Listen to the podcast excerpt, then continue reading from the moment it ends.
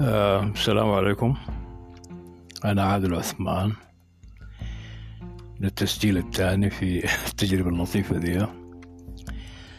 آه، عندي فكرة كان أساسية قبل ما أسجل. استراحت مني لأنه ما مركز. ما مركز لأنه الجو ظلام كده خارج ال- البناية. لأن إحنا بداية الشتاء. وأنا في فيديو سابق قلت إنه في الشتاء في في أنا عايش في بريطانيا. الشتاء بريطانيا هنا بيبدأ بدري ويستمر لزمن طويل جدا واهم ملمح فيه هو منغصة يعني اللي هو الشمس بتكون مع ظهورها محدود جدا. هنا ال- النهار بيبقى قصير جدا والليل طويل كله ظلام. وده بيأثر على بعض الناس زي ما قلت بيعمل حاجة اسمها اكتئاب الموسمي أو اسمه اسمه اس اي دي اللي هي اختصار جميل جدا ومناسب لأنه ساد. ساد بالإنجليزي معناه محزن ومكئب seasonal affective disorder.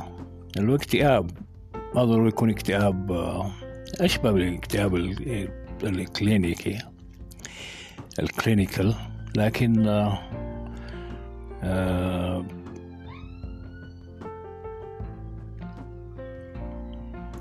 لكن آه،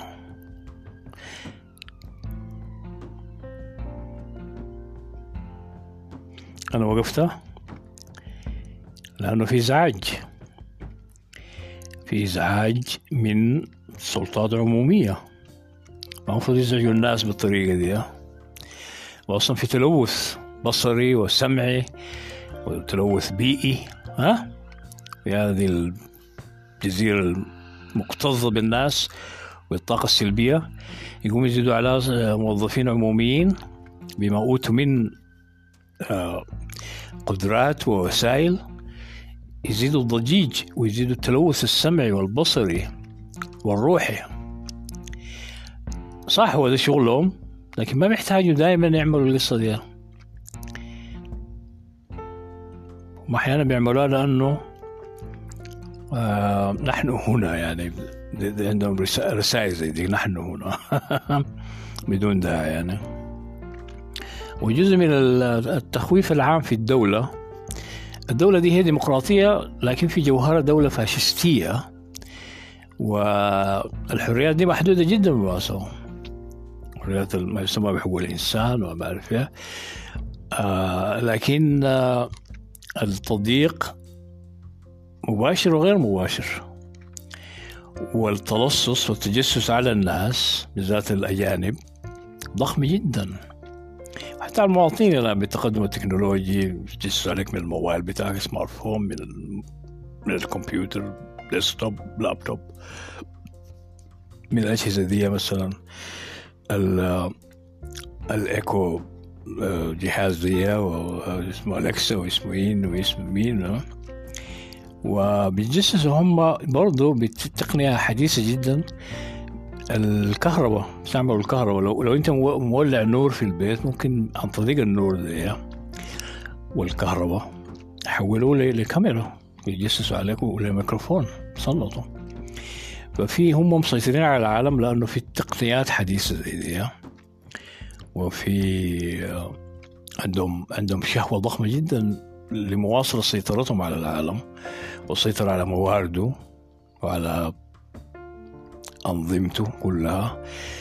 لا بما يحقق مصلحتهم ال- المباشرة والقصيرة الأمد والمتوسطة والطويلة الأمد والاستراتيجية وإلى ما لا نهاية. لأنهم أصلا سيطروا على العالم ده قبل 300 و 400 سنة وعايزين يواصلوا السيطرة لأنه استفادوا استفادوا استفادة ضخمة جدا من ناحية ثروات وغنى واستغلوا الثروات دي في استثمروها في تطوير العلوم والأبحاث والجيوش والقدرات العسكرية والقدرات العلمية و... وجعلوا من عواصمهم هي مراكز للأسواق المال العالمي وال- والاستثمار المالي وال... فثروة مثلا الشرق الأوسط والعالم العربي كلها هنا وفي أمريكا. ها؟ ويقول لك أمريكا ده عداوة وأمريكا هم خاطين قروشهم هناك. ويسمع في توجيهات البنك الدولي وصندوق النقد الدولي فالموضوع في النهاية هو اللي عنده سلطة ما بيتخلى عنها باخوي وأخوك. اللي عنده ثروة وسلطة وعنده احتياج متعاظم للموارد وللناس. وبرضه بيحكم بلده المباشر دي باستراتيجيات وتكتيكات. تحافظ على آه، مشروعية حكمه وديمومته. ويحافظ على الوضع الاقتصادي في البلد اللي هي لعموم السكان وللطبقات العليا في. هنا عموم السكان فقراء لكن بكرامة لأن الدولة لو ما شغال ما عندك دخل وكده بيوفر لك السكن ويدفع لك الإيجار لو لك حد أدنى من مصاريف المعيشة اليومية وكذا ما هي كثيرة. لكن على الأقل في سقف فوق راسك وفي شوية قروش تأكلك يعني. ولو عندك أطفال يساعدوهم أكثر عندهم معونات للأطفال وغيره وغيره. ف وعشان يحافظوا على المستوى ده يمين المعيشة والطبقات العليا طبعا هي المستفيدة من الاستثمار في ال... في الأسواق أسواق الأسهم وأسواق البورصة وأسواق الإيه وشركات البترول وشركات الذهب وشركات بس من سعر الفائدة هذا مبالغهم والمودع في البنوك عايشين بيعملوا ملايين كل يوم. فدي دي برضه طبقة ما ما كبيرة عدد لكن نفوذها كبير جدا في السياسة وفي الجيش وفي ال... أي مكان. فهم هي محسوبة القصة دي كلها ها؟ والتدخلات العسكرية من زمان وإلى قريب دي هي بسبب السيطرة على الموارد دي لأنه عندهم شركات برضو بتصنع السلاح وتبيعه للحكومات والجيوش الحكومية.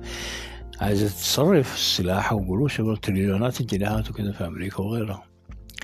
فما القصة دي يعني أنتوا ما, أنتوا عاينوا وراء الظواهر. عاينوا وراء السطوح السطح. بتشوفوا العالم آه، على حقيقته وبتشوفوا في مواجهة الناس زي كلنا نحن برضو الناس الثانيين الواعيين يعني. بنعمل مجهود في إنه نوري الحاصل شنو ونوعي الناس التانيين المواعين. و لأنه الأوضاع ما بتستمر بالطريقة دي حتى لو خدروا الناس في زمن معين أو أغروا بعض الناس بقروش ولا أوضاع اقتصادية ومالية وحتى أوضاع اجتماعية. ففي النهاية هم بيستغلوا أي زول لمصلحتهم. إذا كان واعي باستغلال ده أو ما واعي ده موضوع تاني.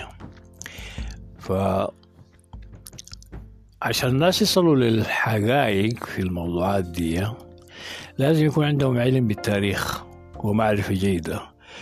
التاريخ لأنه الحاصل الآن حصل بدأ بدأ حصوله يعني حدوثه وتكونه في الماضي. فأنت لما تعرف التاريخ وتقرأه وتحلله وتفككه تقدر تفهم الظواهر الحالية دي تفهم اتجاهات التطور بتاع الظواهر دي ذاتها والأحوال الآن الحالية يعني الراهنة ومستقبله وكذا. فما بكون عندك صعوبة في إنك تعرف حتى تتنبأ بما سيحدث في المستقبل. أنت ما منجم ولا وداعية لكن علم تاريخ هو علم والتفسير التاريخي والتحليل السياسي والاقتصادي والاجتماعي.